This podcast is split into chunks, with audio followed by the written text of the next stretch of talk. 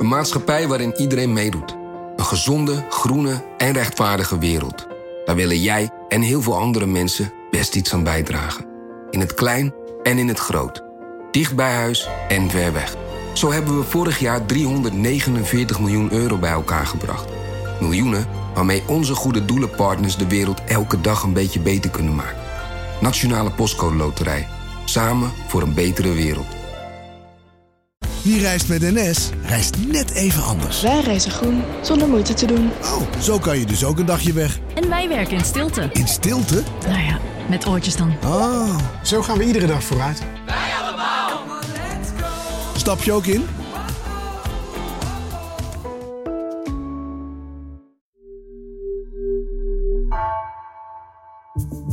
Vanaf de redactie van NRC het verhaal van vandaag.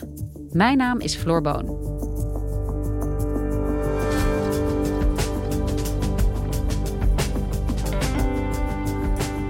Deze zondag gaan Brazilianen naar de stembus.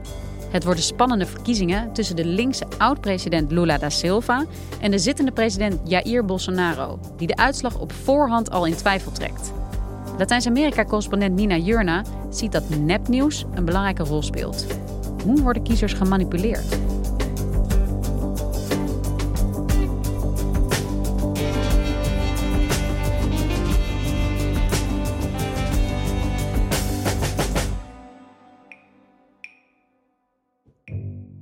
We zijn een paar dagen voor de Braziliaanse verkiezingen en het is, eh, ja, de spanning is hier echt om te snijden.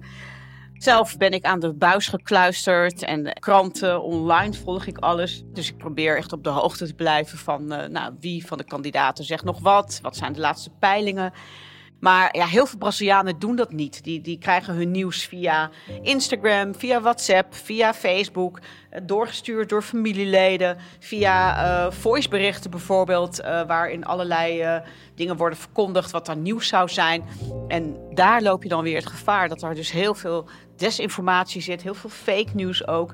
En dat zit vooral bij de aanhangers van de zittende president Bolsonaro. Die zelf ook eigenlijk alles via Facebook doet. Ja, en dat is eigenlijk tekenend voor deze campagne. Fake nieuws, desinformatie, waardoor mensen eigenlijk ook niet meer weten wat is er nou waar en niet.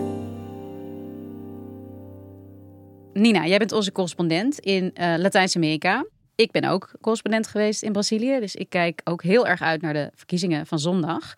Ja, Ja, zondag vinden die plaats, de eerste ronde. Hoe staan de kandidaten er op dit moment voor? Nou, de kandidaten, het gaat eigenlijk om twee grote spelers. Dat is de huidige president Jair Bolsonaro.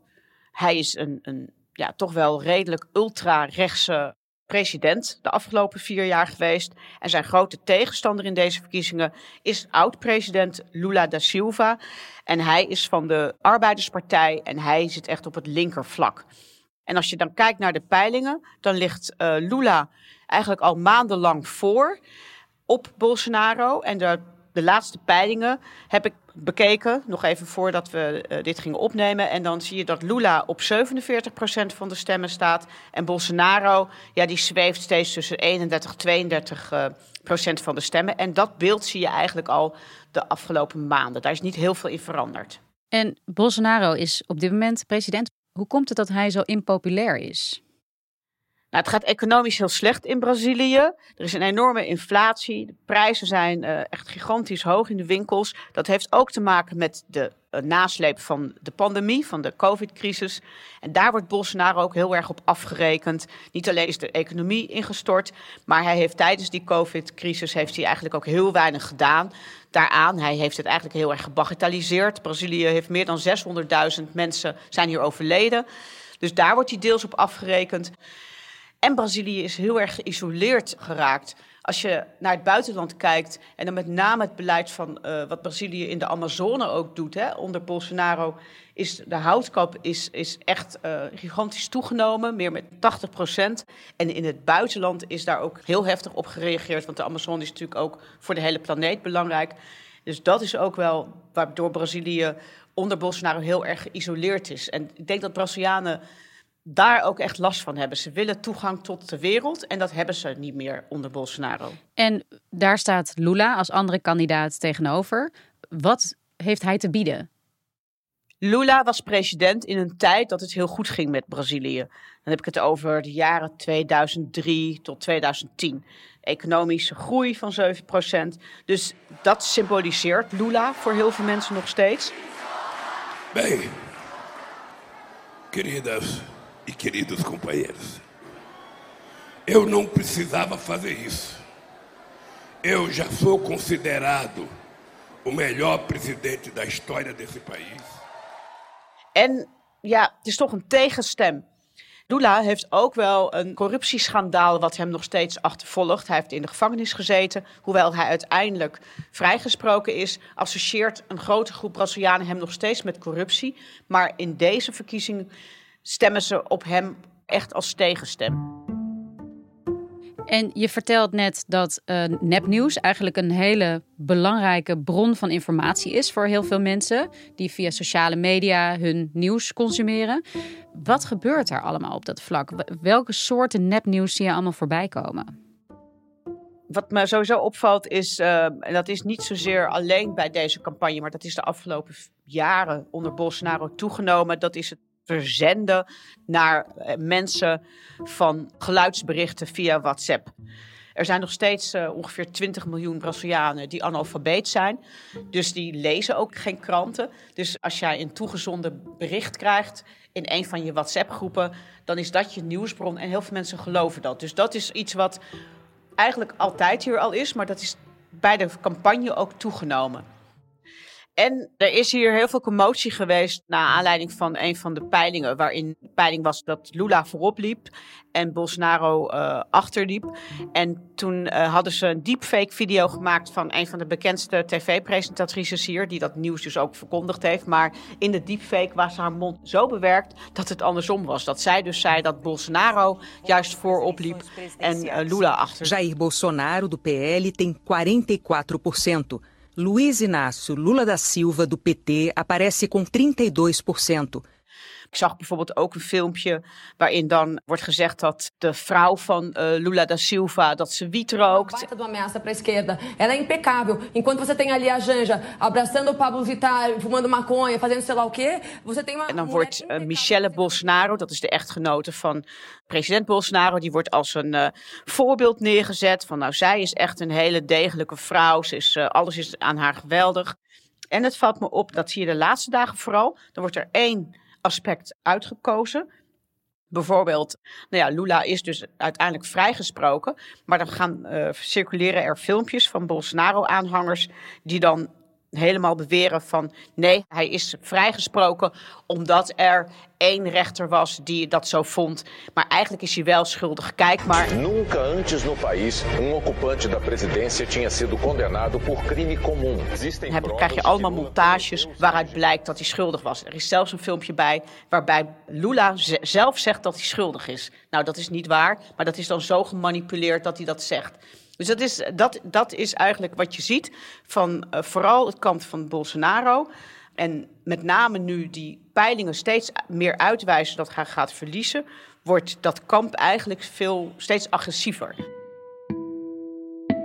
En als het zo duidelijk is dat het nepnieuws is, dat het niet klopt en dat het op grote schaal wordt verspreid, um, zie je ook dat uh, er iets tegen gebeurt. We kennen natuurlijk ook voorbeelden in de Verenigde Staten waarin dit veel gebeurde, maar ook in Nederland. En dan zijn ook allerlei fact-checks actief. Gebeurt dat daar ook? Dat gebeurt hier uh, heel veel nu. En dat is ook heel goed. Want anders zou iedereen dat natuurlijk geloven. Um, wat je ziet is dat de grote kranten, voor ja, de Sao Paulo, maar ook uh, de tv-kanalen, dat die eigenlijk constant bezig zijn om alles te factchecken. Daar hebben ze ook hele pagina's voor, ook online. Ze halen ook heel veel nepnieuws uit de lucht. He, dan beschrijven ze wel bijvoorbeeld wat er in een filmpje is gezegd, maar ze laten het niet meer zien, zodat het niet opnieuw verspreid wordt. Je ziet ook dat vanuit het uh, kiestribunaal, dus het officiële orgaan wat deze verkiezingen organiseert, die zijn zelf nu ook heel uh, fanatiek op WhatsApp. Ik kreeg zelf uh, van de week ook een bericht van hun. Van, van wil je het echt volgen wat er allemaal rond deze verkiezingen gebeurt, meld je dan aan. Dus dat zie je. Maar je ziet ook dat het Hoge Rechtshof gewoon heel veel ja, mensen veroordeelt. Hè? Of dan wordt Bolsonaro wordt er weer een Facebook live van hem uit de lucht gehaald. Omdat er dan dingen in zijn uh, vermeld die niet waar zijn. Dus het wordt, er wordt veel harder opgetreden dan ik eerder heb meegemaakt. En dat is dus om ja, toch te laten zien dat dit, dat dit niet kan, dat dit strafbaar is. Want de gewone mensen, die geloven het uh, gewoon als zij dat niet weten dat het, dat het niet klopt. Dus uh, er wordt gewoon heel hard opgetreden. Maar bereikt dit die ja, gewone mensen dan ook? Hè? Heeft dit ook effect juist op die groepen die zo zijn aangewezen op die voiceberichten en op dat nieuws van sociale media? Nou, dat vraag ik me af. Want de afgelopen jaren een paar keer meegemaakt ook dat WhatsApp eh, uit de lucht werd gehaald. Omdat er dan te veel aan nepnieuws was of dat er onderzoeken liepen waaraan ze dan niet wilden meewerken. Uh, maar dan zie je dat, uh, dat er dan uh, ineens via Telegram ook weer van alles wordt gestuurd. Dus die kanalen hè, die nepnieuws ver, verspreiden, die vinden dan wel weer een ander kanaal. Ik denk wat meer effect heeft, om te voorkomen dat het inderdaad in omloop blijft, is wat de officiële organen doen, is om het strafbaar te stellen, om het uit de lucht te halen om mensen te veroordelen die daaraan meedoen, dat lijkt me effectiever dan um, wat een krant met alle respect, die bedoelt het natuurlijk goed, hè, om te, te, laten zien van uh, dit zijn de facts, uh, feiten. Maar dat bereikt inderdaad een hele grote groep misschien niet, die, want die lezen al die krant sowieso niet. En als je kijkt naar wat het dan uiteindelijk doet. Dus er is veel nepnieuws. Er wordt zo goed als kwaad ook iets tegen gedaan. Maar dat bereikt heel veel mensen niet. Is er iets te zeggen over het effect dat dit gaat hebben op de verkiezingen nu? Nou, dat is moeilijk te zeggen. Kijk, als je naar de peilingen kijkt, dan lijkt dat in ieder geval niet zo dat Bolsonaro nu heel erg voorloopt vanwege de desinformatie. Wat ik wel merk is dat er heel erg gehamerd wordt op dat vanuit zijn kamp ook weer dat de peilingen niet waar zijn. He, van peilingen zoals bijvoorbeeld Datafolia, dat is een hele grote organisatie, dat is eigenlijk de meest betrouwbare opiniepeiler hier, dat het niet waar is wat ze zeggen, dat die peilingen niet kunnen kloppen, want kijk maar hoeveel mensen Bolsonaro op de been krijgt. Dat is ook het gevaar wat rond deze verkiezingen, uh, vind ik wel, hangt, dat er constant getwijfeld wordt aan, aan alles. En dat geeft ook een heel ongemakkelijk en heel lastige sfeer van wat gaat er straks gebeuren als inderdaad de uitslag is zoals de peilingen uh, laten zien al, al, al tijden, gaat de andere kant dat accepteren, omdat zij daar niet in geloven. Ja, wat je nu zegt klinkt heel erg als wat er in de Verenigde Staten ook gebeurde. Toen Trump de verkiezingen verloor en hij de hele tijd ja, mist creëerde daaromheen. Hè. De hele tijd zei van het kan niet kloppen als ik verlies. Uh, Bolsonaro wordt ook al sinds zijn aantreden de tropische Trump genoemd. Uh, is dit ook waar in Brazilië voor wordt gevreesd? Dat mocht hij verliezen, dat hij de uitslag behalve in twijfel gaat trekken ook niet zal willen accepteren?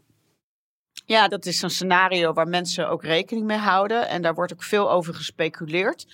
En Bolsonaro geeft daar ook steeds allerlei voorzetten over. Hij heeft ook al gezegd van in relatie tot de verkiezingsuitslag. Eu tenho três alternativas para o meu futuro. Of ik zit in de gevangenis. Estar preso. Of ik ben dood. Ser morto. Of ik heb gewonnen. Ou a vitória. Het woord verliezen, dat, dat bestaat niet voor hem. En als je dat dan weer met dat fake nieuws allemaal bij elkaar optelt, dan wordt er ook een sfeer al bij voorbaat geschapen van hij verliest omdat ze tegen hem zijn. Als hij verliest, dan is dat omdat de instituties tegen hem zijn. Als hij verliest, dan is het omdat er gemanipuleerd is door de andere kant. Ja, wat gaat er dan gebeuren? Dat houdt de mensen hier absoluut bezig. En wat merk je daar ook van in die maatschappij? Dit is iets waar zoveel spanning op staat, uh, uh, waar nu al gespeculeerd wordt over moeilijkheden in de democratische uitkomst van dit proces. Waar vertaalt die spanning zich in? Nou, dat heel veel mensen ook wel echt denken: goed, wat, wat hebben wij voor land na zondag? En niet alleen na zondag, want uh, zondag zijn de verkiezingen. Maar het kan zijn dat er nog een tweede ronde is. En die is dan aan het eind van de maand. En dan vervolgens is nog de machtsoverdracht pas 1 januari 2023. Dus Brazilië staat nog een lange periode van onzekerheid te wachten. Wat gaat Bolsonaro doen? Gaat hij inderdaad rustig weg? Wat gaan zijn aanhangers doen? En Bolsonaro heeft ook een, een aanhang waarvan een, een, deel van die aanhang zo ontzettend uh, fanatiek en extreem is. Dat vertaalt zich bijvoorbeeld ook in hoe Bolsonaro zich manifesteert. Dat hij dan, als hij ergens is, gaat hij op een motor uh, rijden met allemaal aanhangers op motoren. Heel erg een, een macho-achtig uh, uitstraling geeft dat, bijna ook aanvallend. Zo'n hele motorclub die dan voorbij rijdt met Bolsonaro in het midden. Het straalt natuurlijk ook iets uit. Maar wat me ook heel erg opvalt uh, deze ja, maanden eigenlijk en weken, is dat het geweld gewoon uh, veel extremer is. En sowieso heeft Brazilië veel meer wapens, omdat uh, onder Bolsonaro de wapenwetvergunningen zijn versoepeld. Er, er zijn, het, het, aantal wapens is verdrievoudigd. Maar ook in de campagne. Er zijn bijvoorbeeld ook politici, lokale politici van de partij van Lula, die zijn vermoord door Bolsonaro-aanhangers. Puur omdat ze dus uh, bij, de, bij de Arbeiderspartij zitten. Er is bijvoorbeeld een lokale leider geweest uh, van de partij die op notabene op zijn verjaardag is iemand binnengestormd, uh, een Bolsonaro-aanhanger, en die heeft hem doodgeschoten. Dus laatst ook iemand was in een café. Toen kwam er een Bolsonaro-aanhanger binnen en die zei: Waar stemt iedereen voor? En toen zei iemand: van ja, ik stem op Lula. Nou, die is hij te lijf gegaan en die man is later ook overleden.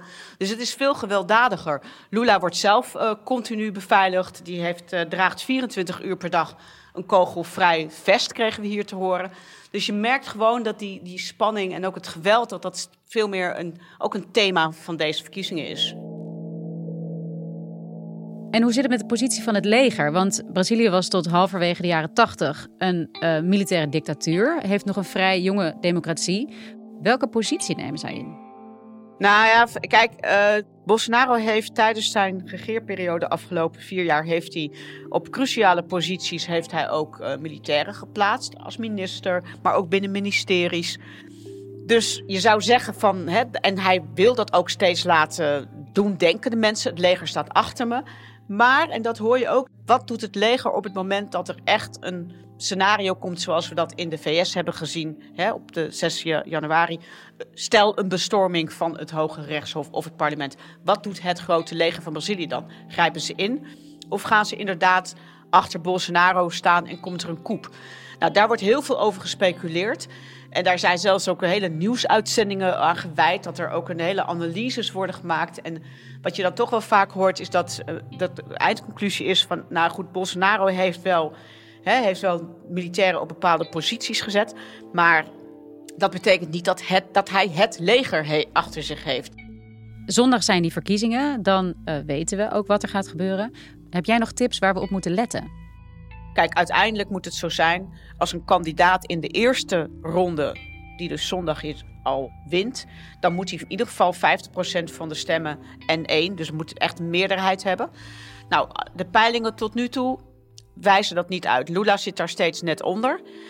Maar het is wel een hoge, het hoog percentage. Dus hij zou kunnen gaan winnen. Dus nog een groot deel is ook nog steeds zwevend. Dus dat is een hele interessante groep, die zwevende kiezers. Dus uh, dat, dat is heel belangrijk op die dag. Maar ook ja, het, het, het stemmen op zich. Bolsonaro heeft uh, al, constant ook een punt gemaakt van het, de manier van stemmen. Er wordt hier elektronisch gestemd. En hij vindt dat dat uh, bij voorbaat al in zich draagt dat er, dat er fraude kan komen. Hij wil dat er gewoon met een pen en papier wordt gestemd. Dus ik denk dat het heel belangrijk is van verloopt die verkiezingsdag rustig. Want misschien gaan die aanhangers wel uh, stemlokalen, gaan ze daar protesteren, hè, omdat zij ook tegen die manier van stemmen zijn. Dat kan. Ja, en dan de uitslag. En wat gaat dan het, de reacties zijn van Bolsonaro en zijn aanhangers als hij inderdaad verliest zoals uh, de peilingen uitwijzen? Ja, ik, kan zelf eigenlijk alleen maar hopen dat het heel snel zondag is. Want ik heb het gevoel dat we dan tot een ontlading komen. Want de sfeer is nu eigenlijk best wel onprettig omdat het zo spannend is. We gaan het van jou lezen en horen, Nina. Dankjewel. Ja, heel spannend. In deze aflevering wordt gezegd dat oud-president Lula da Silva is vrijgesproken van corruptie. Dat klopt niet. Lula werd niet officieel onschuldig verklaard, maar zijn veroordeling werd vernietigd door het Hoge Rechtshof, omdat de rechter partijdig was geweest. Lula zat in de gevangenis en werd vrijgelaten. Je luisterde naar vandaag, een podcast van NRC. Eén verhaal, elke dag. Deze aflevering werd gemaakt door Wijken van Koolwijk en Jeppe van Kesteren. Dit was vandaag. Maandag weer.